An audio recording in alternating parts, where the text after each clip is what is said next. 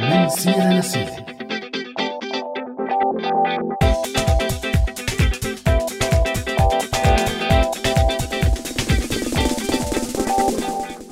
لسيرة أهلا وسهلا بكل يلي عم يسمعنا على هوا راديو سوريالي بحلقة جديدة ويلي ممكن تكون إشكالية شوي كتير. والله ما بعرف أنت شو رأيك عزة؟ والله ما بعرف خربطتني بعد هي شوي كتير ما عرفت شو بدي أقول. على كل حال أنا كمان بدي رحب بمستمعينا وأقول أهلا وسهلا فيكم بهي الحلقة بمن سيرة لسيرة.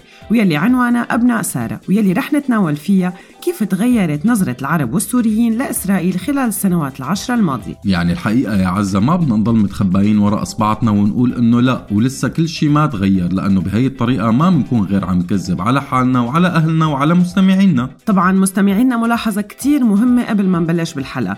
نحن هون أكيد أكيد أكيد ما عم نناقش حقوق أهلنا وإخواتنا بفلسطين ولا عم نناقش الظلم والأسى يلي امتد لأكثر من 71 سنة وما ممكن نحط ظلم بمواجهة ظلم. فهي القصص صارت باعتراف دولي وقرارات دوليه ناهيك عن اعتراف عدد كبير من الدول بهي الحقوق. هلا صحيح هذا الاعتراف وهي الحقوق كانت بدون أي فعاليه سياسية والخاسر الأكبر والدائم كان دائما الفلسطينيين يلي تشردوا بكل اصقاع الكرة الأرضية. بس اليوم ما فينا ننكر إنه في شيء تغير وللحقيقة إذا دورنا منلاقي إنه عدد من الأبحاث أو حتى البرامج أو الموضوعات يلي بتناقش هذا الشيء للمواطن العادي معدومة. يعني يلي ما بيشتغل بالسياسة أو الإعلام بتكون عنده المعلومات معدومه مشان هيك إذا بتتمتع بصدر رحب وحابب تسمع معنا الحلقة وتترك تعليقاتك سواء على صفحتنا على الفيسبوك أو برسائل صوتية أو مكتوبة على الواتساب أو تعليقات على ال SoundCloud فمنتمنى أن تكون الاستجابة للموضوع بعد سماعه وما تكون بس شتائم وكلام خارج الموضوع. شو يلي تغير بالقضية الفلسطينية؟ كيف تغيرت نظرة كتير من المحيط العربي لإسرائيل؟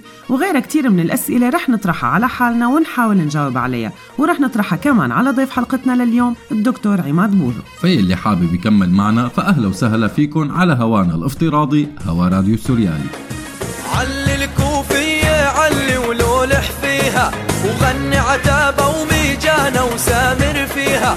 علي الكوفية علي ولولح فيها وغني عتابة وميجانة وسامر فيها. هز الكتف بحنية جفرة عتابة ودحية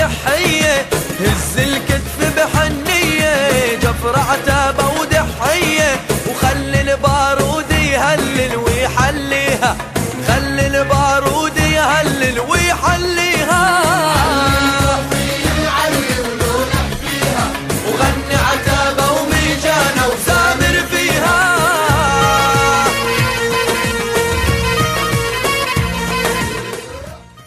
حلقتنا لليوم مستمعينا كيف تغيرت نظرة العرب لإسرائيل بالسنوات الأخيرة؟ ولا تقدروا تجاوبوا على سؤالنا فيكم تتواصلوا معنا على صفحاتنا على مواقع التواصل الاجتماعي فيسبوك وتويتر أو من خلال رسالة صوتية أو مكتوبة على رقم واتساب 00962 7798 512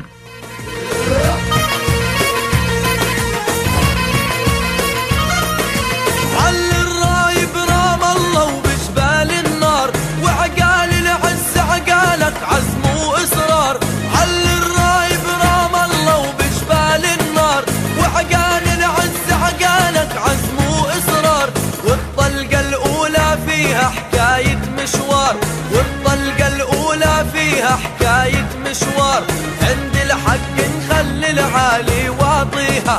عند الحق نخلي العالي واطيها.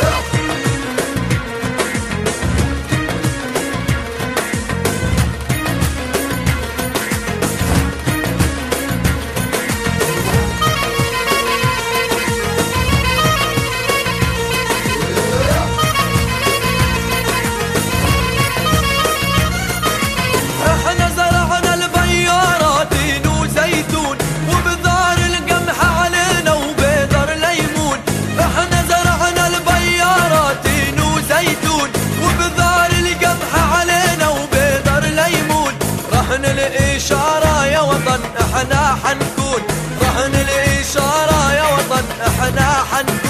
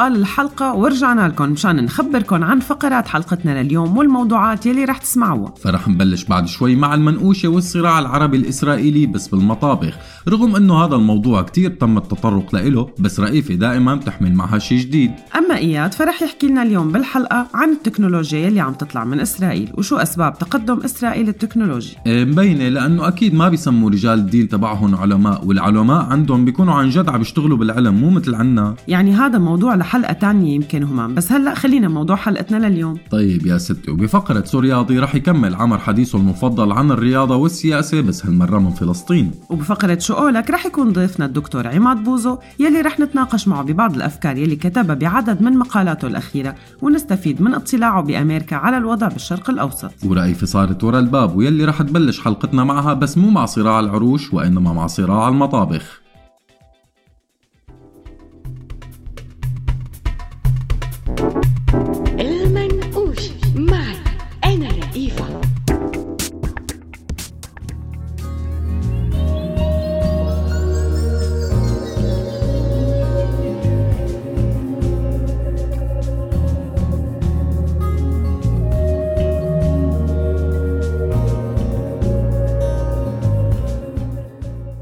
ليش ما فينا إسرائيل تسرق المطبخ العربي أو الطبخات العربية وتنسبها لنفسها؟ الحقيقة كل مرة بسمع خوف العرب والفلسطينيين من سرقة المطبخ العربي بضحك بقلبي. فعمليا قدرت إسرائيل إنه تثبت إنه هاي الأطباق إسرائيلية مثل قدرتها على إثبات وجود دليل بعالم الآثار بيأكد وجودها التاريخي كمملكة بهي المنطقة مثل ما بيدعوا. فلحد هي اللحظة ما في أي دليل على هذا الشيء. والقسم الأكبر من علماء اليهود الأركيولوجيين بيحكوا بهذا الشيء رغم كل وسائل التقدم التكنولوجي والبحث المستمر لمحاولة إيجاد رابط أو دليل رغم تصريح كتير من العلماء باستحالة هذا الشيء بل إنه بعض علماء الآثار بيقولوا لا ضرر ولا ضرار فحسب تعبيره إنه المصاري اللي عم تستخدم لتحقيق كشوفات بالآثار منيحة ولو كان الهدف منها عاطل لأنه ما رح يلاقوا أي أدلة. على كل حال نفس الشيء. المطبخ العربي عموما والفلسطيني والسوري خصوصا حققت كتير من المنظمات الإسرائيلية كتير من التمدد والتوسع بهذا المجال. فأكلة مثل المقلوبة المكلوبة الحمص الفلافل اللايت البندورة بالبيض صارت تتسوق على أساس إنها أكلات إسرائيلية. والإسرائيليين حبوا يعملوا يوم الحمص العالمي ب 13 ماي من كل سنة. وحسب تسويقهم بتطلع إسرائيل كراعية عالمية للحمص ب 69 نقطة للبيع وإنتاج الحمص. وبس 3 نقط للعالم العربي ونفس الشيء باليوم العالمي للفلافل. كمان بوارسو عاصمة بولندا في سلسلة مطاعم اسمها طعام تل أبيب المديني. وبس بلندن في أكثر من 15 مطعم بيقدم أكلات عربية وفلسطينية على أساس إنها أكلات إسرائيلية. وبباريس في كتير من المطاعم بتتقدم على إنها أكلات إسرائيلية منها حتى الفتوش والزعتر. لك معقول؟ معقول. حتى الزعتر. لك اسمه زعتر فلسطيني. أما ليش مستحيل يقدروا يستولوا على مطبخنا؟ فالقصة ببساطة هي بذوقنا وكرمنا وقدرة ابتكارنا والوصفات والخاصيات اللي اكتسبناها كشعوب نتيجة العيش بهي المنطقة من آلاف السنين. ورح أجيب مثال واضح وصريح من اليوم الحالي بعيداً عن محاولات الإسرائيليين سرقة أكلات بلاد الشام. لوين بدي روح؟ لوين بدي روح؟ لوين؟ رح أروح للشاورما. الشاورما ولا الدونر كباب يلي بطعمي نص شعوب أوروبا والإقبال عليه أكبر ما يكون. وما استحمل أكثر من كم لاجئ لتيجي الشاورما السورية وتحتل مكانتها بقلوب عشاق الطعام. وهيك فجأة بلشت الشاورما تطلع بالأفلام وينحكى عنها من أمريكا لمصر ووصولا لأوروبا.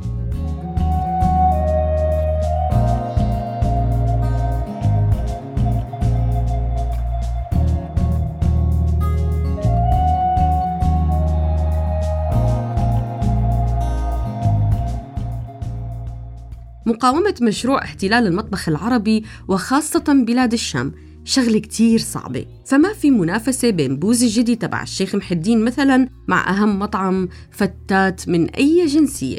ومستحيل المنافسة بين أي مسخن فلسطيني حقيقي مع أي نسخة تانية معدلة إسرائيليا. ومن سابع المستحيلات إنه كبب أم أحمد الحلبية تاخد جنسية غير حلبية أو كبة الفرن الحمصية تاخد أي جنسية غير من باب هود.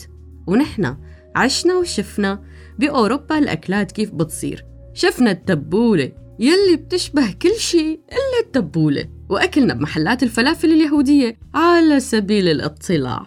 لك يا أولاد الحلال باذنجان مع الفلافل.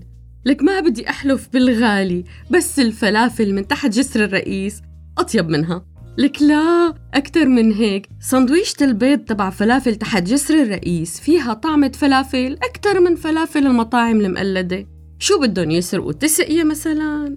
هيهات هيهات قد ما عملوا إضافات ما رح تطلع أكتر من إضافات الشوام والحلبية. لك إيه إيه إيه. حتى الحلبية ضافوا على التسقية بس كانوا أمينين وضلوا يقولوا عنها. شامية.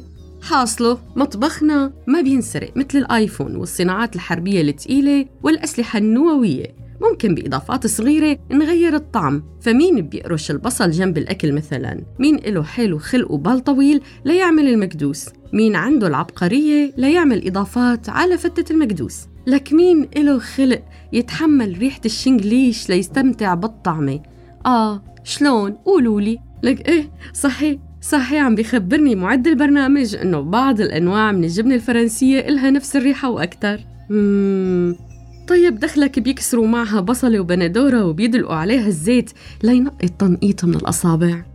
لك إيه إيه شفت؟ ما عم قلك؟ مين حط الشاورما بالصمون وسماها صاروخ غير نحنا مين اخترع كريم التوم غير نحنا مين زين سندويشة الشاورما من فوق بقطعة لحمة غير نحنا مين ترك زيت قلي الفلافل لأسبوع غير نحنا لك مين عدل على السلطة الروسية والكولسلو غير نحنا طيب تعال أقلك. فروج البروستد ما بيركع ال KFC بيتزا الريف بتركع الطليان؟ همبرجر الحلبوني جنب فنادق الحلبوني مو لازم يعطوها براءة اختراع؟ لك نحن يلي قلينا المكسرات وبعدين شويناها. لك نحن نحن يلي منقلي ومنشوي ومننقع ومنفت ولك نحن الدولة ولك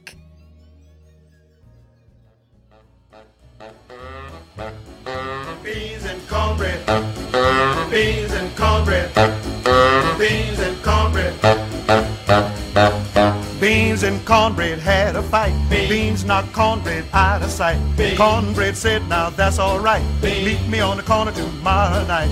I'll be ready. I'll be ready tomorrow night.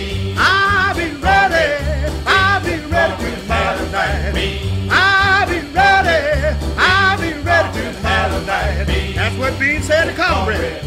I'll be ready tomorrow night. Beans told cornbread, you ain't straight. You better wake up or I'll gas you gate. Been in this pot since half past two. Swelling and puffing and almost due. I'll be ready. I'll be ready tomorrow night. That's what Beans told cornbread. وجوابا على سؤال حلقتنا لليوم حلوبي محمود كتب لنا وقال بعد ما شفت جيوش العربية ماذا تفعل بشعوبها الحرة طلعت إسرائيل ملاك. هل تعلم أن إسرائيل عندها خريطة المشافي والمستوصفات والمخابز والمدارس الفلسطينية؟ وفي حال اندلاع الاشتباكات بتم تجنب كل هي الأماكن. هذه هي إسرائيل. أما وسيم العادل كتب لنا على الفيسبوك كمان وخبرنا كنا مفكرين الاحتلال بفلسطين ونحن المستقلين بس طلع العكس. Beat the devil out you. On the corner tomorrow night. Beans hit cornbread on the head. Cornbread said, I'm almost dead. Beans told cornbread, get up, man. You know that we go hand in hand. Beans and cornbread. Beans and cornbread, hand in hand. That's what Beans said to cornbread. We should stick together hand in hand. We should hang out together like wieners and sauerkraut. We should stick together like hot dogs and mustard. We should get up every morning and hang out together like sisters and brothers. Yeah. Every Saturday night, we should hang out like chitlins and potato salad. Yeah. Like strawberry and shortcake. Yeah. Like corned beef and cabbage. Yeah. Like liver and onions. Yeah. Like red peas and rice. Yeah. Like bagel and lox. Yeah. Like sour cream and Benson. Yeah. Like bread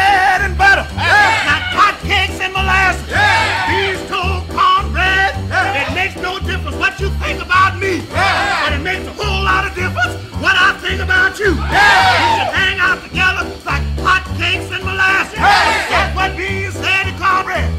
Cause beans and cornbread.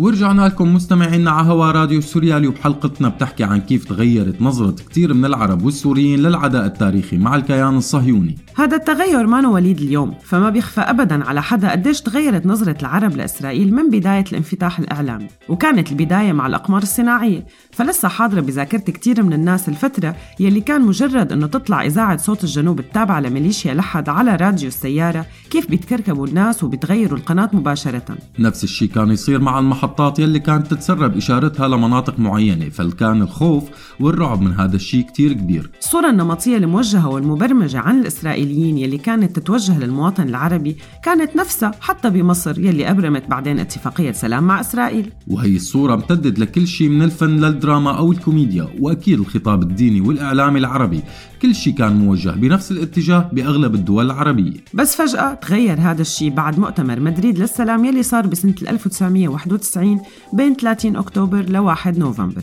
وهي الفترة يلي بلشت تشهد تغيير كتير بالمنطقة وخلينا هلأ نحكي عن التجربة السورية همام على الرغم من الأداء المقنع لفاروق الشرع بهذا المؤتمر بوجه شامير ويلي أطلق عليه فيما بعد الضربة القاضية لشامير بس بالنهاية العرب والسوريين شافوا تواجد الوفود العربية بجانب الإسرائيليين وشافوا صورة مغايرة للسنين الكتيرة يلي عاشوها تحت صورة نمطية للإسرائيلي يلي ما كانوا عمليا بيعرفوا عنه شيء أي شيء حتى أنه العبارة المصنوعة بشكل جيد يلي أطلقها حافظ الأسد ويلي بتحكي عن سلام الشجعان ما أقنعت كتير من العالم وطلعت عدة نكت بهديك الفترة عن هي الجملة بالذات. وعلى الرغم من عدم مشاركة سوريا بالجزء الثاني من مؤتمر مدريد بس هذا ما عن انتهاء المفاوضات سواء المباشرة أو غير المباشرة. فسمعنا عن كتير لقاءات ومفاوضات غير مباشرة. وشفنا الرئيس السابق الأمريكي بيل كلينتون بين الرئيس وزراء الإسرائيلي السابق يهود باراك ووزير الخارجية السوري السابق فاروق الشرع بسنة 1999 بهاي الفترة طلع الحديث عن وديعة رابين يلي ما كتير استمر الحديث عنها بس تم كشف تفاصيلها بعدين بمذكرات الرئيس الأمريكي بيل كلينتون.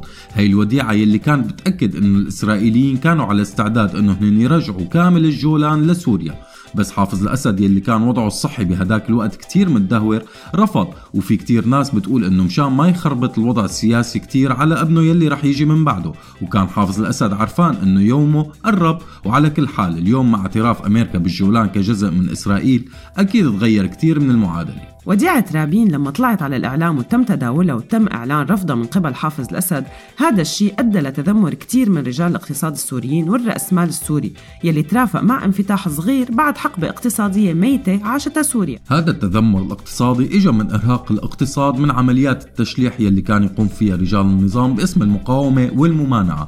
التشليح والتشبيح على التجار والرأسماليين السوريين ليتخلوا عن مكاسبهم أو مشاركتهم لهي المكاسب بشكل علني. وبالمناسبة هي الظاهرة قديمة جدا قبل مخلوف وشاليش وغيرهم وغيراتهم. على كل حال هذا الشيء ترافق مع انفتاح إعلامي كبير. فبعد انتهاء الحرب الأهلية بلبنان خف التشويش على التلفزيونات اللبنانية. وصار كتير من الناس يشوفوا مو بس مسابقات ملكات الجمال والنشرات الجوية يلي فيها صبايا حلوين. لا صاروا يشوفوا نشرات أخبار حقيقية. ما بتشبه أبدا نشرات أخبار المذيع السوري الأشهر جمال الجيش أو مهران يوسف يلي تعودنا عليهم وحملت بكل تأكيد طريقة خطاب مختلفة. هي الأقنية يلي بتنقل صورة مختلفة عن إسرائيل مانا محببة بس أكثر لطفا من خطاب النظام وإعلامه وطريقة تصويره للأحداث. من ضمن هي الأقنية يلي فاتت لاحقا كان تلفزيون اسمه المستقبل يلي فات على بيوت كتيرين بسوريا وكان أول مرة بشكل شبه رسمي بينرفع الجدار الحديدي عن الإعلام.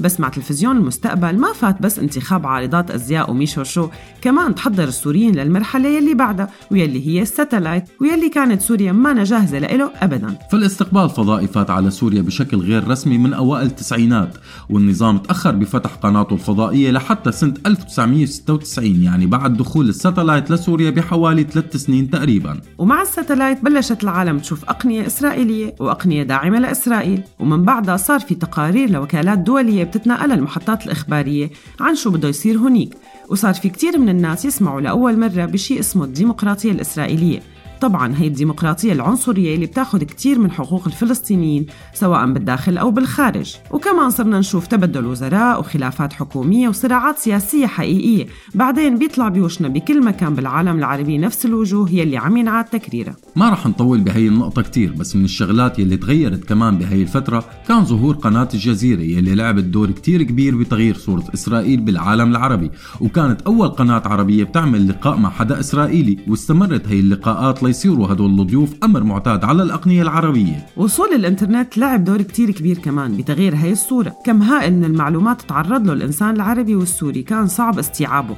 مع تغيرات اقتصادية وسياسية عم تصير بالداخل. وخاصة أنه كتير من صحف المواقع الإسرائيلية كانت سباقة بنقل كتير من المعلومات حتى من عند الدول العربية. هذا الشيء اللي طرح كتير علامات استفهام عند المواطن العربي. التعتيم يلي خلقته الأنظمة العربية على المعلومة ومرورها سهل كتير على أنه تستفيد أجهزة الإعلام الغربي أو المقربين منا من هي الفجوة. ليقدروا يمرروا كتير من المعلومات يلي بتساهم بتشكيل الرأي العام والتلاعب فيه من العلاقات السرية بين بعض الدول العربية وإسرائيل للتعاون الاستخباراتي المستمر بين كتير من هي الدول مع إسرائيل مرورا بصفقات سلاح مع هي الدولة يمكن المثال الأبرز عن هذا الشيء هو صفقة السلاح بين إسرائيل والنظام الإيراني المعادي لإسرائيل فغياب الشفافية والدكتاتورية خلى واقع هذا الخبر أكبر بكتير من على الناس يلي كانت مآمنة بنظرية الممانعة والمقاومة. أما الضربة القاسمة فكانت مع وسائل التواصل الاجتماعي يلي غيرت كتير من المفاهيم وبلش كتير من الشخصيات المؤثرة على الصعيد العالمي والعربي تطرح أفكار كتير جديدة عن الصراع وعن الوضع السياسي وكان في كتير حقائق غايبة عن المواطن العربي أو خلينا نقول الإنسان العربي. أما التغيير الأكبر يلي صار فحصل بالسنين العشرة الأخيرة مع الربيع العربي وهذا الشيء يلي رح نحكي فيه أكثر بالقسم الثاني من البرنامج فخليكم معنا. سوريالي مع عمر سواح.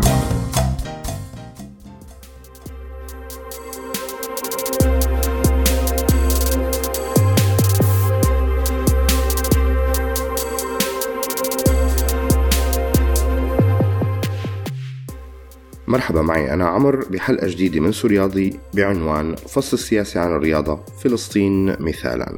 ترجع جذور الحركة الرياضية بفلسطين لنهاية القرن ال19 لما بلشت بعض الإرساليات الأجنبية تأسس مدارس خاصة إلها بمدن فلسطينية وتشكل أول فريق لكرة القدم على مستوى مدرسي بسنة 1908 بمدرسة المطران سان جورج بالقدس. ضمت فلسطين رسميا الاتحاد الدولي لكرة القدم عام 1926 وشاركت بتصفيات كأس العالم يلي صارت بإيطاليا سنة 34 وشاركت كمان بتصفيات كأس العالم 38 وهيك بيكون المنتخب الفلسطيني أول منتخب عربي آسيوي بيشارك بتصفيات كأس العالم مرتين متتاليتين. ازدهرت الكرة الفلسطينية ببدايات الثلاثينات والأربعينات. طلعت فرق فلسطينية منها نادي الدجاني والأرثوذكسي بالقدس ونادي الإسلامي يافا وإسلامي حيفا والنادي القومي وعكا الرياضي بعكا ونادي غزة الرياضي بالإضافة للنادي العربي الأرثوذكسي بغزة. من أشهر اللاعبين الفلسطينيين بهذيك الفترة نذكر جبر الزرقاء جورج مارديني ميشيل الطويل عبد الرحمن الهباب وحيدر عبد الشافي. كان لقطاع غزة بستينات القرن الماضي حضور كروي بمسابقات الرسمية للدوري والكاس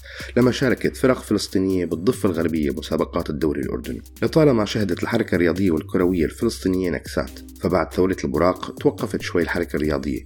لترجع عجلة الحركة الرياضية للدوران من جديد مع تأسيس الاتحاد الفلسطيني بسنة 1944 واستمر بنشاطاته ورعايته للفعاليات الرياضية حتى سنة 47 بهذا الوقت دخل الاتحاد الفلسطيني تحدي كبير لينال عضوية الاتحاد الدولي.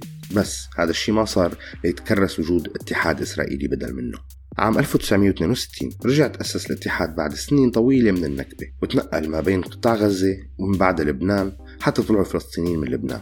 من التواريخ المهمة بالحركة الرياضية الفلسطينية تشكيل مجلس أعلى للشباب والرياضة بالشتات بسنة 1968 وكان له دور مهم بالحفاظ على الهوية الرياضية الفلسطينية.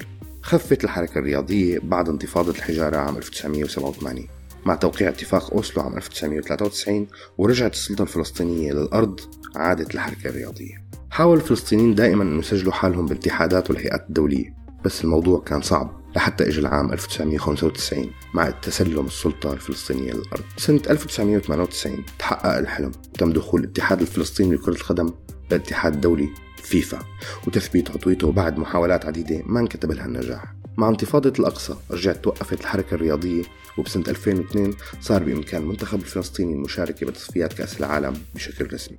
هاد من جهة من جهة فلسطينيين 48 كان في رياضيين شاركوا مع المنتخب الإسرائيلي من حاملي الجنسية الإسرائيلية. منهم علي عثمان ابن قرية بيت صفاقة كان أول عربي بيلبس زي المنتخب الإسرائيلي. من بعده إجا عدة أسماء من بينهم زاهي أرملي من شفا عمر ووليد الدير من كفر قاسم واللي سجل هدف ضد فرنسا بتصفيات كأس العالم 2006 بألمانيا. من أسماء الثانية رفعت ترك من يافا يلي لعب مع المنتخب الإسرائيلي بأولمبياد 76 وعباس صوان يلي أحرز هدف التعادل بالدقيقة الأخيرة بمباراة المنتخب الإسرائيلي مع إيرلندا بالدور التمهيدي لمونديال 2006 وأخيرا سليم طعمة ابن مدينة اللد. أكيد هي المشاركة عملت كتير توترات عند العرب والفلسطينيين يلي قالوا إنه لازم تتم مقاطعة المنتخب الإسرائيلي. وحتى الإسرائيليين ما كانوا مبسوطين بهي المشاركة العربية ليعاني اللاعبين العرب من مواقف عنصرية من الجمهور الإسرائيلي. بالدرجة الممتازة بكرة القدم بالدوري الإسرائيلي بيلعب 14 فريق منهم فريق عربي واحد هو فريق أبناء سخنين وست فرق تابعة لهبو عيل وثلاثة لمكابي. قدر فريق أبناء سخنين يلي كمان بضم لاعبين يهود إنه يوصل للدرجة الممتازة سنة 2003 ما مولت الحكومة الإسرائيلية بناء أو تجهيز أي ملعب للفرق العربية؟ وربطت وزيرة الثقافة والرياضة ميري ريجيف بين الحصول على الدعم وبين قبول يهودية الدولة وطالبت فريق أبناء سخنين بإلغاء كل المظاهر العربية ورفع العلم الإسرائيلي فوق أسوار النادي ليحصلوا على الدعم. ومن لما وصل فريق أبناء سخنين الدرجة الأولى تحولت اللقاءات مع بيتار القدس للقاءات مشحونة بالمنافسة والعداوة وحضور أمني كبير وإبعاد كتير من المشجعين عن الملاعب. الملاعب الإسرائيلية معباية بأحداث عنصرية. فلما فاز فريق سخنين ببطولة الكأس سنة 2004 صافح الفريق وزيرة الرياضة ليمور ليفانت بهداك الوقت. بينما رفض لاعبي وإداري نادي بيتار بسنة 2009 أنه يصافحوا وزير الرياضة بوقتها غالب مجادلي وهو عربي من حزب العمل. من أشهر الحوادث العنصرية قيام اللاعب الإسرائيلي عميت بن شوشان بالهتاف مع كثير من لاعبي المنتخب الإسرائيلي ضد زميلهم العربي المسيحي بالمنتخب سليم طعمة ووصفوه بالمخرب وهتفوا الموت للعرب ونحن بنكره العرب استمر التضييق على الرياضة والفلسطينية بأكثر من شكل سواء من منع سلطات الاحتلال وعرقلتها تجهيد الملاعب وكل شيء له علاقة بالبنية التحتية. خلال الحرب الإسرائيلية على غزة نوفمبر 2012 قصفت الطائرات الحربية ملعب فلسطين بغزة الشيء اللي أدى لإلحاق أضرار جسيمة ببنيته التحتية. بس على الرغم من كل شيء الرياضة الفلسطينية والرياضيين الفلسطينيين عم يحاولوا دائما إنه يشقوا طريقهم بكل السبل والوسائل. كنت معكم أنا عمر بسو رياضي. سلام.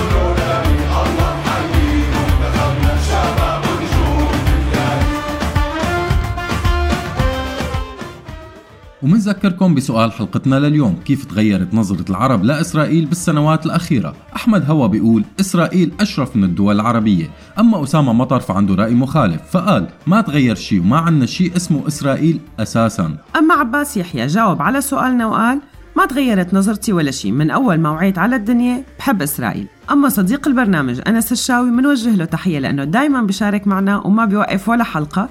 أنس قال لسه لهلأ أنا وولادي وآبائي ما منطيقهم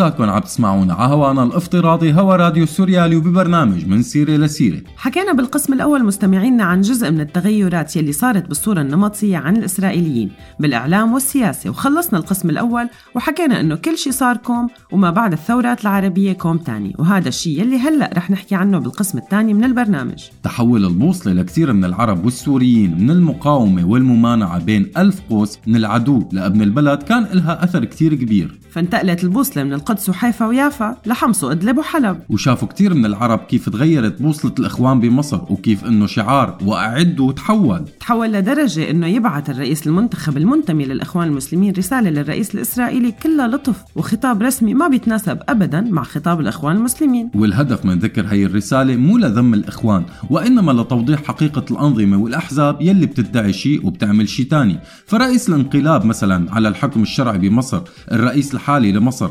السيسي رسائله الفعلية كانت أكثر وضوحا بالنسبة للقرب والتقرب لإسرائيل. على كل حال ما عاد في شيء مخبى الناس شافوا الارتباط بين أجهزة المخابرات المصرية القديمة مع الإسرائيليين وشافوا الصمت الدولي على المجازر بحق المدنيين يلي انتخبوا بديمقراطية رئيسهم رغم أخطائه. ونحن شفنا تقلب إيرادات الدول الغربية يلي دعمت الثورات وكيف تغير خطابها بين تونس لليبيا لليمن لمصر وصولا لسوريا. وانقسموا الناس بين تيارين. الأول بيقول إنه في مؤامرة على أنظمة الحكم من قبل إسرائيل للسيطرة على العالم العربي. وفي ناس بتقول إنه سبب كل شيء نحن فيه هو فساد أنظمة الحكم يلي سرقت مقدرات الشعب وخلت الفساد ينهش بكل الدول العربية. مع الفيسبوك وسائل التواصل الاجتماعي في كتير من الأشياء تغيرت تماما. الحقيقة القدرة على التعبير والحرية الغير محدودة خلتنا نسمع آراء كتير. فمثلا اليوم افيخاي أدرعي عم يعمل ترافيك كتير كبير على صفحته. أدرعي يلي ما بيشبه الصورة النمطية اللي عرفناها لسنين طويلة وهلأ في ناس بتوصف شغله لليوم بالمدروس والممنهج. وفي ناس بتوصفه بمهرج مستحيل يضحك على عقول العرب وإنه هي العداوة تاريخية. كمية كبيرة من الشتائم يلي عم تنزل على صفحة أدرعي وغيره. بس هل يا ترى متابعة الصفحة وانتشار هذا الخطاب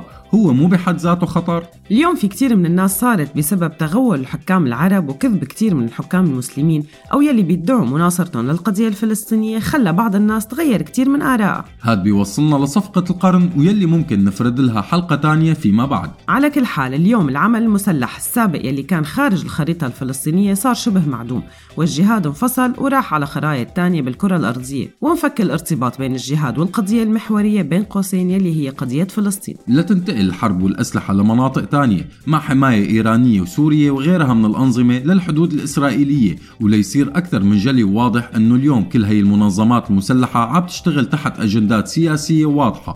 تبين آخرها التحرك بغزة بعد الضغط على إيران يلي صار فجأة بين يوم وليلة. بالقسم الأخير من البرنامج بدي أقول شغلة ما فينا ننسى أنه رغم كل التغييرات بهي النظرة تجاه الإسرائيليين إلا أنه بالفترة الأخيرة كمان زاد التعاطف مع القضية الفلسطينية. بكتير من الدول.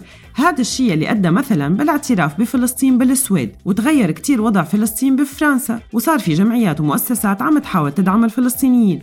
وعلى ما يبدو الاهتمام بالإنسان الفلسطيني وبالأرض الفلسطينية صار أولوية لكتيرين غيرنا كمان. على كل حال ممكن نقرأ من كل يلي سبق أنه طريقة تعاملنا مع الصراع والحقوق الفلسطينية تغير. ويمكن نحن كمان لازم نغير بكثير شغلات بدءا بالخطاب تبعنا وصولا للآليات يلي عم نشتغل عليها لتحصيل حقوقنا. على كل حال هذا القسم من البرنامج خلص ولازم نروح مباشرة لعن زميلنا إياد كلاس بشروي غروي. شروي غروي معي أنا إياد كلاس.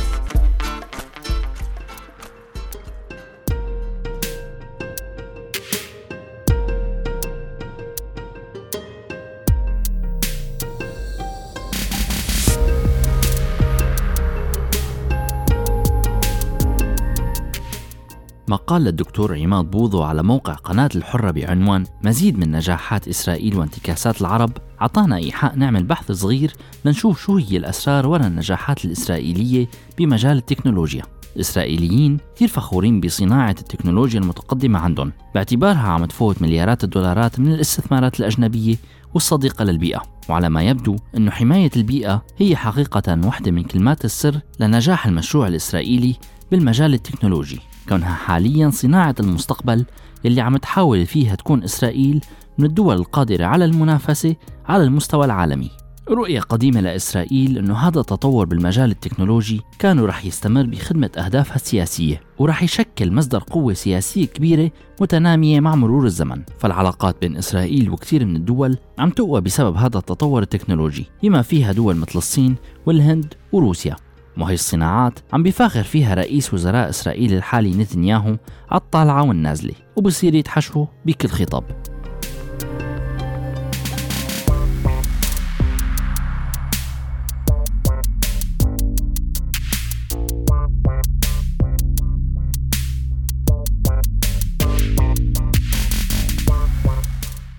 اليوم إسرائيل عم تشكل حاضنة لحوالي 300 شركة متعددة الجنسيات.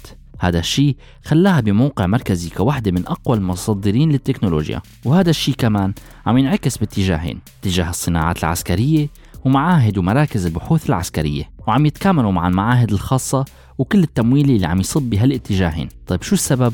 وكيف قدرت دولة مثل إسرائيل تعمل هذا الشيء؟ بلد تعداد سكانه قليل محصور بين دول بيعتبروه عدو وبيدخل حروب مع جيرانه كل فترة وفترة ومدة الخدمة العسكرية فيه طويلة وبالتالي مرحلة الإنتاج عند الشباب فيه مقصوصة كثير قد يقول قائل مساعدات الأمريكية واللوبيات الصهيونية وغيره من الجمل والعبارات المعتادة لكن الحقيقة الموضوع أعقد بكثير من مجاهل نظريات المؤامرة. فخلينا نحلل الأسباب الحقيقية والسياسات اللي تبعتها إسرائيل لتحقق هذا الشيء. إذا شفنا مؤشر الابتكار العالمي جي آي آي فمنلاقي إنه الشطارة يلي عملتها إسرائيل بتبلش من المدخلات مثل الإنفاق على المدارس وجودة المؤسسات الحكومية. أما المخرجات مثل براءات الاختراع المودعة البحث والتطوير والإنفاق نسبة إلى الناتج المحلي الإجمالي وصادرات التكنولوجيا هي اللي بتحقق فيها إسرائيل درجة عالية جدا. تخيلوا أنه بكثير من هاي الحالات هي الرقم واحد عالميا. إذا كملنا مع تقرير صار بالاعتماد على مؤشر جي آي آي لسنة 2018 بنشوف نتيجة المدخلات اللي حكينا عنها. فمثلا تحتل إسرائيل المرتبة الثالثة بالعالم بما يتعلق بقدرات البحث والتطوير وهي الأولى بالنسبة المئوية للباحثين بمؤسسات الأعمال والأولى كمان بالنسبة للإنفاق على البحث والتطوير بالمقارنة مع الناتج المحلي الإجمالي وبالمرتبة الثالثة بالتعاون بين الجامعات والأعمال والسابعة ببراءات الاختراع للفرد. كل هاي الأرقام بتفرجي مستوى الابتكار العالي بالمجال التكنولوجي واللي قدرت من خلاله إسرائيل تحول هذا الابتكار لشركات مستدامة كبيرة وصار هذا الشيء من خلال البحث والتطوير الأجنبي. فتخيلوا أنه حوالي نصف الأنفاق على البحث والتطوير بإسرائيل بيتم عن طريق شركات متعددة الجنسيات مثل إنتل وآبل وغيرها من الشركات. السبب الثاني يلي بيخلي إسرائيل تنجح فهو إنه ما مكبرة راسها وعرفانة شو بتقدر تعمل وشو ما بتقدر تعمل. فإسرائيل ما بتشتغل بصناعة التكنولوجيا يعني هي بتشتغل بمجالات ما قبل التصنيع. وأبرز مثال على هذا الشيء هو بمجال صناعة السيارات. فصناعة السيارات هنيك هي بمجال الابتكار وبس الابتكار وما في صناعة سيارات محلية لتوظيفها. وما في خطط عند الحكومة لصناعة السيارات لأنه بتعرف هذا باب ما رح تقدر تفوته وتنافس فيه أما شو النتيجة من وراء هالسياسة؟ نتيجة أنه كل شركات صناعة السيارات بجميع أنحاء العالم تستثمر بالشركات الناشئة الإسرائيلية أو حتى ممكن تشتريها بمقال تاني بيحكي عن الموضوع بيقول إنه غياب هذا النوع من التصنيع وهذا إذا استثنينا بعض الصناعات العسكرية عمل نقطة ضعف عند شخصية المواطن الإسرائيلي. مشان هيك بنشوف أحيانا بعض التجارب بالصناعات التكنولوجية يلي بتحاول تطلع برات هذا الإطار. لتغطية هذا الشيء بتمول هيك مشاريع شركات خاصة 100% وما بتندعم هي المشاريع من الدولة. ومنها المحاولة الأخيرة يلي باءت بالفشل بإطلاق رحلة إسرائيلية للقمر. مشان هيك على ما يبدو التخطيط الحكومي الإسرائيلي كان محق. هيك بظن إنه قدرنا نحيط أكثر ببعض الأسباب لكن الموضوع يتطلب دراسة أكثر كنت معكم أنا إياد بشروي غروي.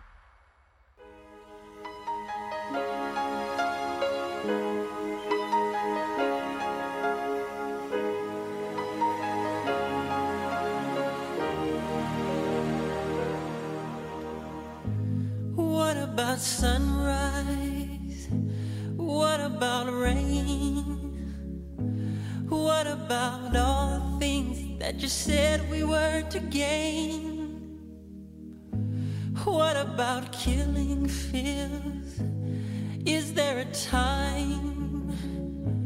What about all the things that you said was yours and mine? Did you ever stop to notice all the blood we shed before? Did you ever stop to notice crying, earth is weeping. Sure, I, I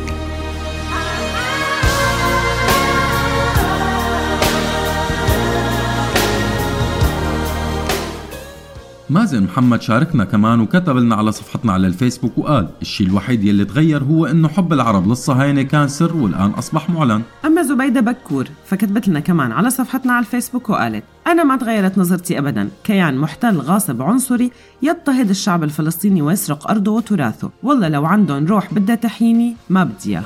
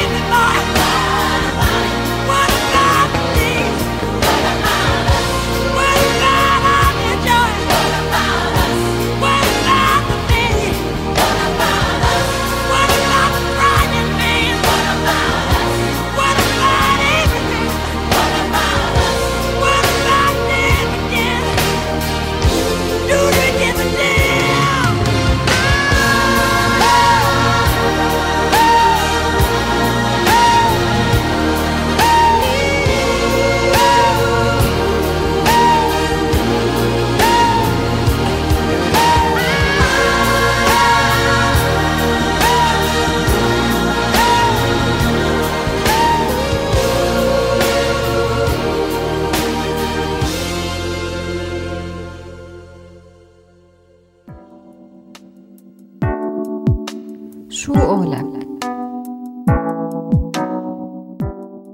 ضيفنا بهي الحلقة الطبيب والكاتب السوري الأمريكي عماد بوزو المهتم بالواقع السياسي والثقافي التاريخي بالشرق الأوسط وبالسياسة الدولية. له عدة أبحاث ومقالات انتشرت بعدة صحف مثل الشرق الأوسط والقدس العربي وموقع الحرة بتركز مقالاته الأخيرة على الديمقراطية بالمنطقة العربية وعلى العلاقات بمنطقة الشرق وبتحمل تحليل عميق لواقع الحال بهي المنطقة.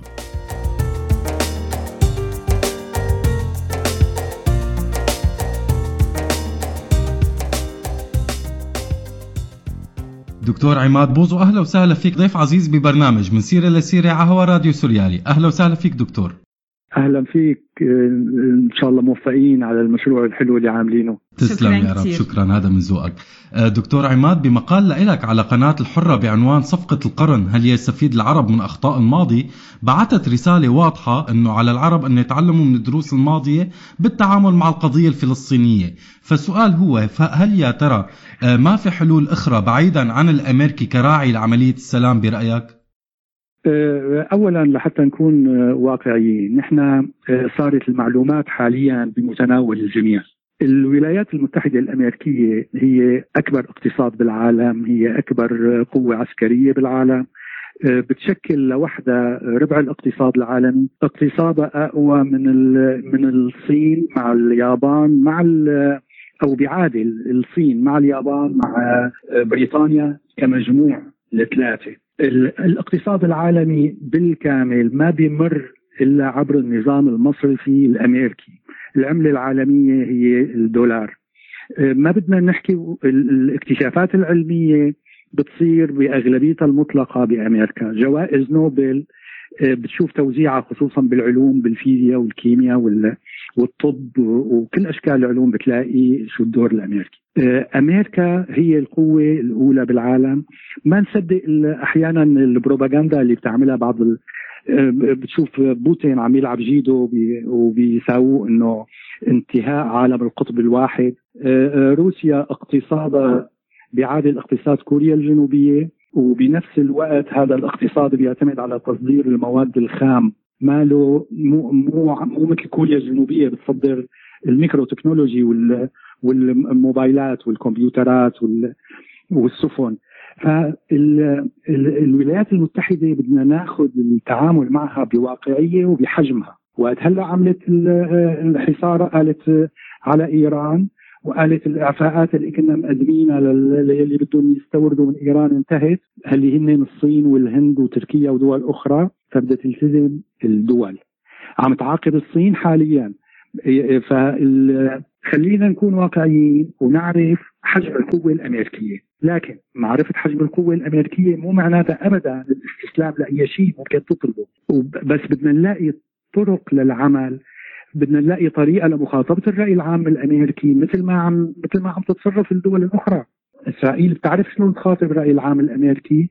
وبدأت اغلب الدول بالعالم بتساوي لوبيات خاصة لحتى لحتى تحاول تجذب الرأي العام لعندها. مشان هيك فكرة الراعي الأمريكي بدنا ناخذها كنوع من الواقعية لحتى نقدر نتعامل ونستفيد من أخطاء الماضي نفسها. ما ما ما نظن إنه بالشعارات اللي ما ما بتستند على أي شيء بالواقع ممكن إنه نحقق شيء. طب دكتور عماد ليش برأيك كثير هلأ من الدول الأوروبية عم تبعد حالها عن هي صفقة القرن بين قوسين؟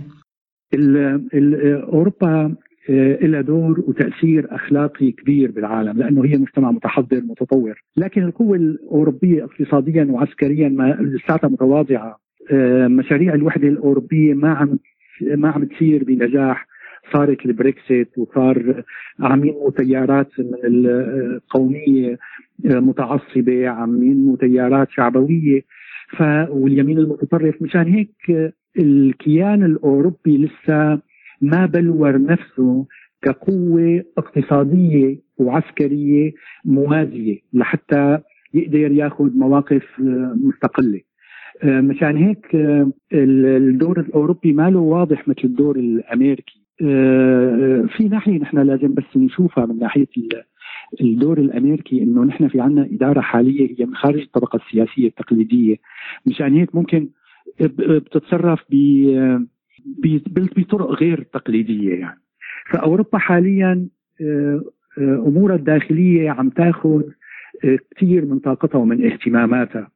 هذا اللي بنشوفه هلأ ببريطانيا واستقالة تيريزا ماي والانتخابات هلأ اللي عم تصير تبع البرلمان الأوروبي اللي بدها تفرجينا حجم التيارات اليمينية أو حجم اللي ما مرحبين بالوحدة الأوروبية، يعني هذا هلأ بهالكم يوم بده يبين معنا. دكتور عماد الشيء الأكيد يلي عم بيصير هلأ وفي كتير طبعا من الإعلام العربي عم بيحاول يتجاهل أو يحكي عنه بشكل مباشر هو تغيير النظرة باتجاه إسرائيل. من قبل كثير من المواطنين والحكومات وما بالضرورة هذا التغيير يكون بشكل إيجابي على فكرة. السؤال هو هل هذا التغيير حصل كنتيجة للقوى الناعمة يلي استخدمتها إسرائيل لعقود بمجالات مختلفة مثل الإعلام والفن والثقافة؟ أم أنه هذا التغيير أم أنه هو بسبب التغيرات السياسية عفوا والاقتصادية يلي صارت بالمنطقة ويلي هي أدت لهذا التغيير؟ التغيير صار على مستويين. بالمستوى الرسمي خلينا ناخذ نحن كمثال دول الخليج. دول الخليج الخطر الرئيسي اللي عم يواجهها حاليا هو ولاء قسم من شيعة دول الخليج لا لدولة خارجية. يعني نظام ولاية الفقيه بيقوم على إنه الشيعة هن آه، كيان واحد بغض النظر عن الدولة الوطنية. فالمشكلة الرئيسية اللي بتواجه السعودية إنه المنطقة الشرقية عندها اللي هي أغلب سكانها من الشيعة. في قسم منهم ولاء للنظام بإيران. وهذا بياخذ شكله الأوضح بالبحرين. آه، بنفس الوقت في عندك قضية اليمن والحوثيين اللي هن كمان أقلية إلها آه، إلها خصوصية طائفية كمان مدعومة من إيران. بنروح للشمال بنلاقي بالعراق السلطة الحقيقية بإيد ميليشيات شيعية مرتبطة بإيران. نجي لسوريا بنلاقي دعم لنظام آه، غالبا عم يصير الدعم على أسس طائفية. بنروح على لبنان بنلاقي حزب الله والدولة اللي هو متحكم فيها. فبالنسبة لدول الخليج كحكومات الخطر الرئيسي عليها عم يجي من النظام الإيراني. ف آه، ما بنستغرب إذا كانت آه، صار موضوع إسرائيل عم ياخذ عندها اهتمام بالدرجة الثانية. بالنسبة لمصر مثلا في عنا آه، تجربة الإخوان المسلمين السنة اللي اللي صارت. كمان آه، وعلاقته مع حماس كمان ساوت موقف حذر من الموضوع الفلسطيني. على المستوى الشعبي آه، بسوريا معركة القصير تحديدا كانت هي الخط الفاصل بالحكم على إيران أو على مشروع الثورة الإسلامية وعلى حزب الله. بالقصير التدخل كان الأساسي من حزب الله. ودخلوا على مدينة القصير بعد معارك طويلة ضد الثورة السورية. رفعوا على المساجد سعرات الحسين العلم هذا سعرات الحسين ما لها علاقة بإسرائيل. سعرات الحسين هي هي استحضار لصراع طائفي قديم من 1300 سنة. إذا نحن آه، هذا غير المفهوم الشعبي. يعني آه، حسن نصر الله بال 2006 آه، بطل قومي بنظر كثير من السوريين. لكن هون بدك تقدر إنه السوريين المجازر اللي تعرضوا لها كمان غيرت أولوياتهم. كمان صار بنظرهم حزب الله هو حزب طائفي غير وطني مرتبط وهو بيصرح وهذا شيء ما له مخفي. بدولة خارجية بيعتبر نفسه جندي في دولة ولاية الفقيه. فعلى المستوى الشعبي في بسوريا صار هذا التحول وهذا صار ممكن نلمسه نحن وقت تصير غارات آه، إسرائيلية على مواقع أو ميليشيات إيرانية أو مرتبطة بإيران. شيء ما حدا مخبى يعني على المستوى الشعبي. لأنه اللي عم يساوي التغيير الديموغرافي؟ اللي عم يساوي المجازر بسوريا؟ نحن فقدنا آه، مئات الآلاف وقريب المليون شهيد. فهذا هذا صار بإيد قوى أخرى فبدهم يعزلون العالم إذا صار في عنا آه، آه، أولويات أخرى. وبعدين في ناحية أخرى إنه حتى التنظيمات الفلسطينية آه، وقفت بأغلبها ضد الثورة السورية. في منها شارك النظام الجبهة الشعبية القياده العامة هي ميليشيا مرتبطة بالنظام من بداية العمليات. رسائل حماس وفتح للنظام وللمحور الإيراني لأنه هن بياخذوا الشعارات بيعتمدوا على الشعارات إنه هدول عم يقولوا الموت لإسرائيل فنحن معهم. بغض النظر عن إنه هن صادقين أو حقيقيين أو عم يعنوا هذا الكلام اللي بيقولوه ولا لا. فهذا التغير كمان آه، صار. هلأ نحن المنظمات الفلسطينية اللي واقفة هلأ مع النظام الإيراني. شو شو بدك تتوقع وقت بده ينهار النظام الإيراني؟ وهو نظام ما عنده مقومات الاستمرار على المدى البعيد فبده يصير مثل وقت صار آه، راح صدام حسين. الفلسطينيين كانوا من أول الخاسرين شعبيا بالعراق لأنه كانوا عم يدعموا نظام ديكتاتوري والنظام بسوريا ديكتاتوري وعم يدعموه والقذافي بكيوا عليه. ف آه، كان آه، كانت أسباب متعددة أدت لأنه المزاج الشارع العربي خف نسبيا تعاطفه طبعا القضية الفلسطينية قضية عادلة هذا ما لازم ننساه ابدا. لكن صار في قضايا ملحة أكثر عن شعوب المنطقة. أه طب دكتور كمان مثل ما حكينا إنه في عدد كبير من الناس بلشوا يغيروا نظرتهم بالنسبة لهذا الكيان بس كمان بالجهة الثانية في كثير من الناس لسه عم يزيد تطرفها تجاه هذا الكيان ولسه الصراع قائم. وحتى مع مع الحل المطروح حاليا على الطاولة بس هذا الشيء رح يحط تحديات أمنية كبيرة على الدول المحيطة. فهل برأيك هذا الشيء رح ينعكس بالسلب أو بالإيجاب على الدول المحيطة؟ اولا صفقة القرن لم تعلن بعد إذا كان نحن آه، آه، أنا كتبت المقال بعد حضوري ندوة لجاري كوشنر عم نحكي فيها على الخطوط العريضة للصفقة. التفصيلات الصفقة غير معلنة ولم يتسرب منها أي تفصيل. ففي آه، حال نحن بحزيران نهاية حزيران بده يعلن عنها. إذا كانت تتضمن أمور مقبولة على على القضايا النهائية مثل الحدود ومثل القدس. فلازم ناخذ الموضوع بجدية. انعكاساته على المحيط أو على دول الجوار لسه ما ما تبلورت شو هي التسويه لأنه بدها تكون بالاضاءه بدها تكون فيها بعض المواصفات المقبولة لحتى يصير بالإمكان تسويقها. فالحديث حولها لسه بعتبر أنا إنه سابق لأوانه لكن ناخذ الموضوع بجدية وندرسها للمبادرة وما نعمل مثل ما عم يعملوا حاليا رفض مسبق يعني أنا بال... أنا كنت عم بستعرض إنه نحن اعترضنا على قرار التقسيم بعد بال بال 48 اللي بمجلس الأمن بعدين صرنا عم نطالب فيه لأنه بعد حرب 48 قلت حصة الحصة العربية من 45% ل 28% بعدها صرنا عم نطالب بحدود ال 67 فالوقت لازم ناخذه بعين الاعتبار. وقت بدنا وقت بدنا نناقش كيف التعامل مع مع التسويه أنا في قصة شخصية صارت معي. بال 2013 قابلت دينيس روس. دينيس روس كان مبعوث السلام العربي الإسرائيلي السوري الإسرائيلي عفوا. آه، طلع لي خريطة قال لي هي خريطة الجولان عرضت بوساطة آه، أيام كلينتون إنه تنسحب إسرائيل لهذا الخط. الخط بيبتعد عن خط ال 67 بضع امتار ببعض المناطق وبضع عشرات امتار بمناطق أخرى. اللي حافظ اسد ما تطلع على الخريطة. مو مو تطلع وقبل ورفض. ما ما نظر لها الخريطة. ليش؟ لأنه هي الأنظمة بتعيش على على المتاجرة بالقضايا الوطنية. هلأ وقت عم يقولوا الجولان وقت عم وقت انحكى هذا الموضوع كنا بال من 20 سنة من هلأ تماما. هلأ صار في عم, عم إسرائيل عم تضم الجولان عم تيجي الولايات المتحدة تعترف بضم الجولان الوقت آه له قيمة.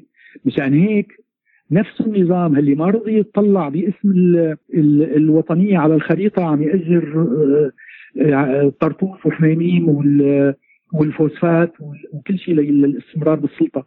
يعني ندرك الموضوع هذا قبل ما تاخذنا الشعارات على الحل.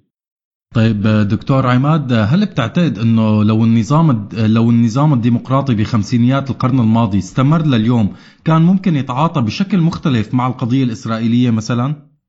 نحن لازم نعرف إنه الصراعات على المستوى الحالي هي صراعات حضارية يعني أنت بتتفوق وقت بتتفوق حضاريا بتقوم أنت بتتفوق اقتصاديا وبتتفوق عسكريا وبتتفوق سياسيا فبالخمسينات نحن كان عندنا ازدهار اقتصادي كان عندنا حياة سياسية وحياة ثقافية آه، صحية. كانت دولة قوية بتعتمد بال بيقعد الإنسان بال بالمكان اللي حسب كفاءته مو حسب ولائه فمجرد ما صارت الانقلابات العسكرية روحوا آه، أو أزالوا كل مقومات الدولة اللي كانت موجودة. فمو بس آه، أضعفوا الجيش.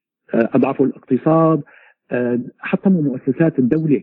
فمشان هيك نحن آه، وقت بنعرف إنه نحن الصراع حضاري وانتخابات وتبادل سلطة فبيصير وعم تأمن أنت حياة كريمة لمواطنيك.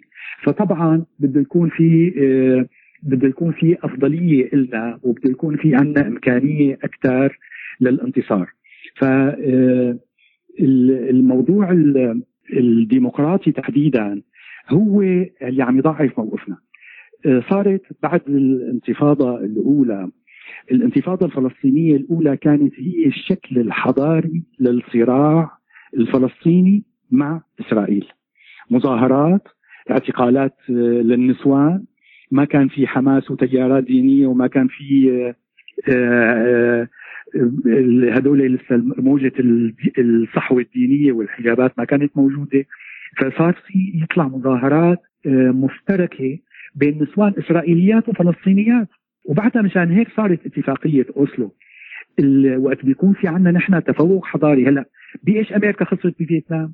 خسرت حضاريا لأنه الرأي كسب فيتنام وقت كسبت آه، اخلاقيا كسبت الرأي العام الأمريكي. فالمظاهرات صارت في أمريكا مشان هيك هو الموضوع متداخل ونحن لازم نختار وسائل حضارية للصراع ونقدم نموذج جيد لإدارة بلادنا. وقت وقت اجى وقت عم عم يبرر آه، ترامب اعترافه بضم الجولان لإسرائيل عم يقول شوفوا سوريا شو وضعها. يعني الأفضل للجولان تكون مع إسرائيل من ما تكون تابعة للنظام السوري.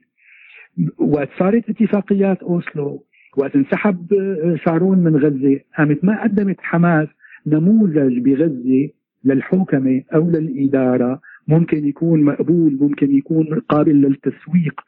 ما قدمت السلطة الفلسطينية بالضفة الغربية نموذج مقبول.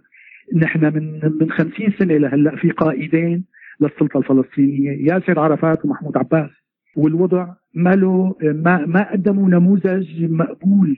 لإدارة آه، بلدهم لحتى آه، آه، لحتى يكون في رغبة للانضمام لها بمقال سابق أنا إحصائيات بتقول لك إنه عرب 48 77.4% منهم ما بدهم يعيشوا بدولة فلسطينية مستقبلية.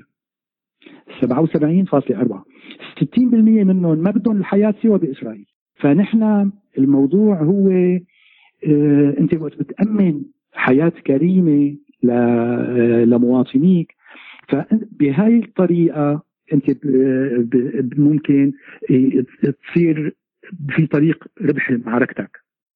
طيب دكتور عماد بتقول بمقال لك إنه الحضارة الحالية بتقوم على قاعدة إنه الهدف من أي قرار سياسي هو توفير حياة كريمة سعيدة للفرد يلي هو الوحدة الأساسية للدولة والمجتمع.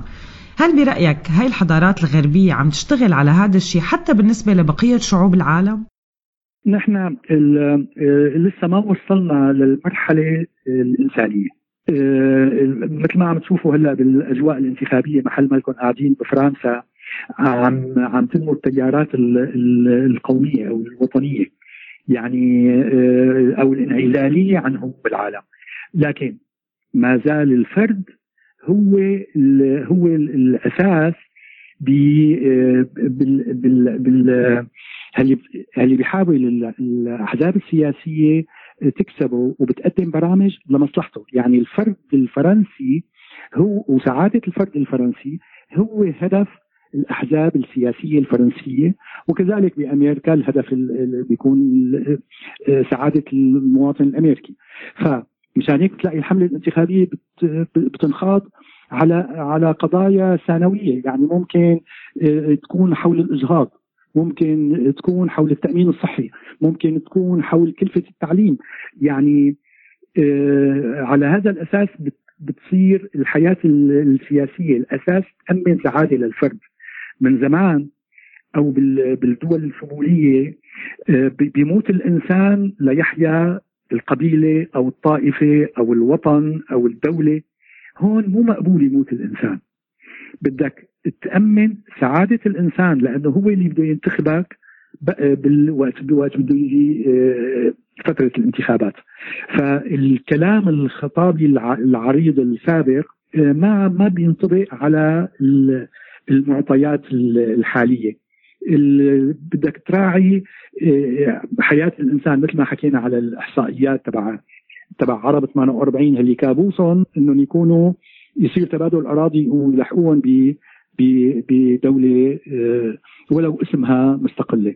حتى بنفس حتى موضوع الكرامة بمؤتمر حركه فتح ال ال 2009 آه، راح وفد من حركة فتح من من سوريا لحضور المؤتمر.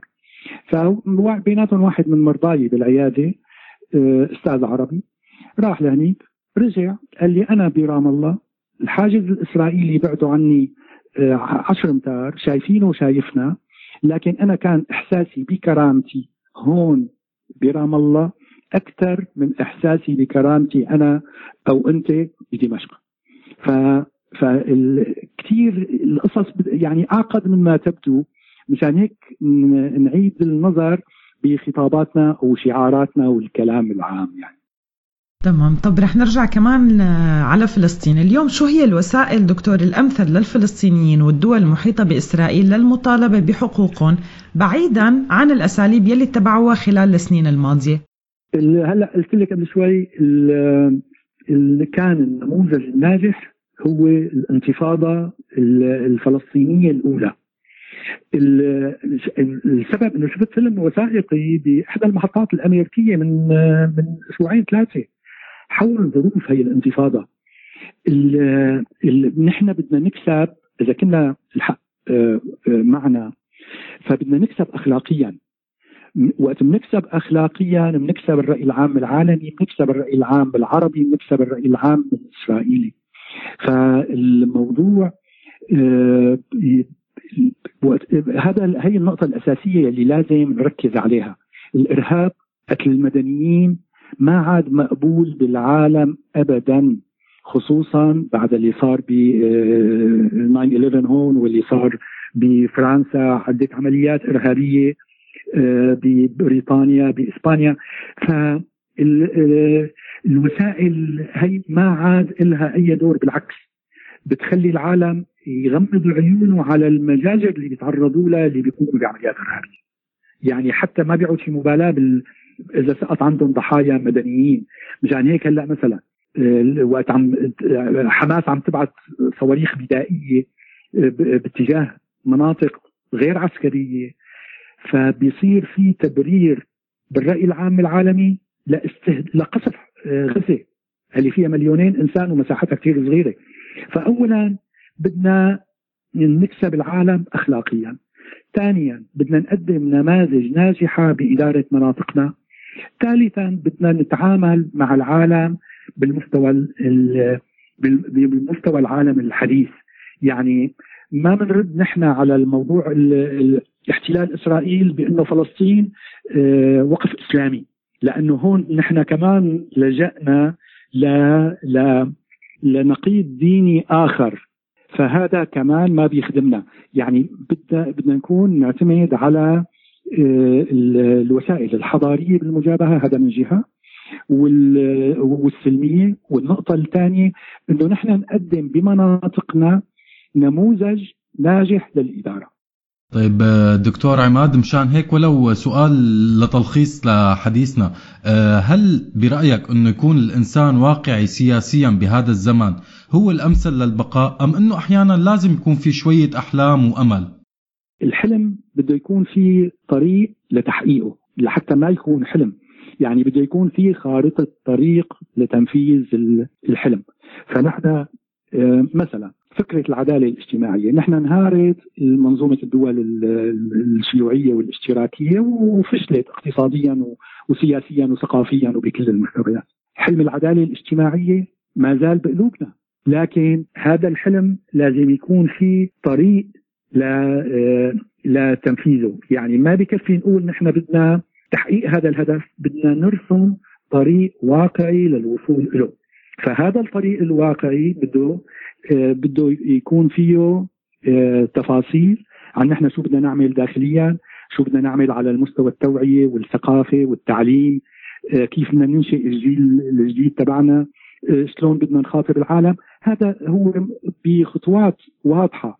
مشان هيك نحن وقت عم نقول الواقعية نحن أبدا ما بدنا نثبط الهمم لكن بدنا نحط قدامنا أهداف ونمشي بمخطط وبجدول آه، زمني لتحقيقها وبيبدأ من اليوم بيبدأ بإنه نحن نطور نفسنا لحتى نقدر نوصل للاهداف اللي بدنا نهاية دكتور عماد شكرا لك ويعطيك ألف عافية وشكرا كثير لوقتك. لك الله يسلمك الله يسلمك. الله شكرا كثير عن جد سعدنا واستمتعنا جدا بالحديث معك دكتور عماد اليوم. الأرض بتتكلم عربي الأرض الأرض الأرض بتتكلم عربي.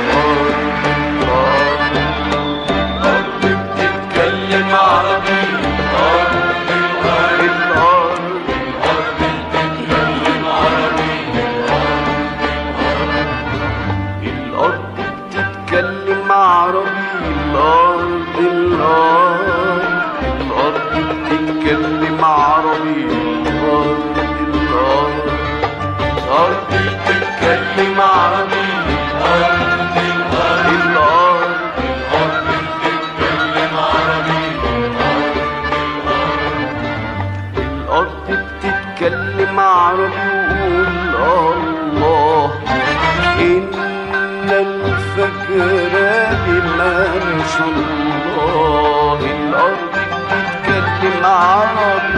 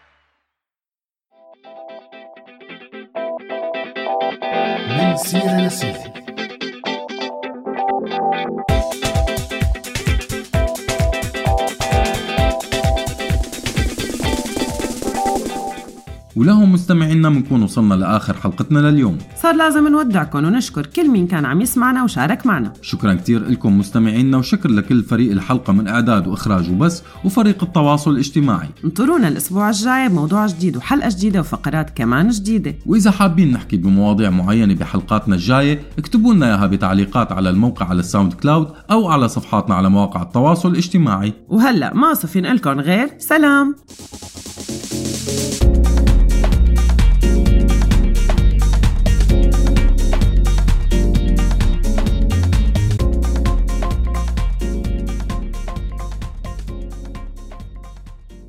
هذا البرنامج من إنتاج راديو سوريالي 2019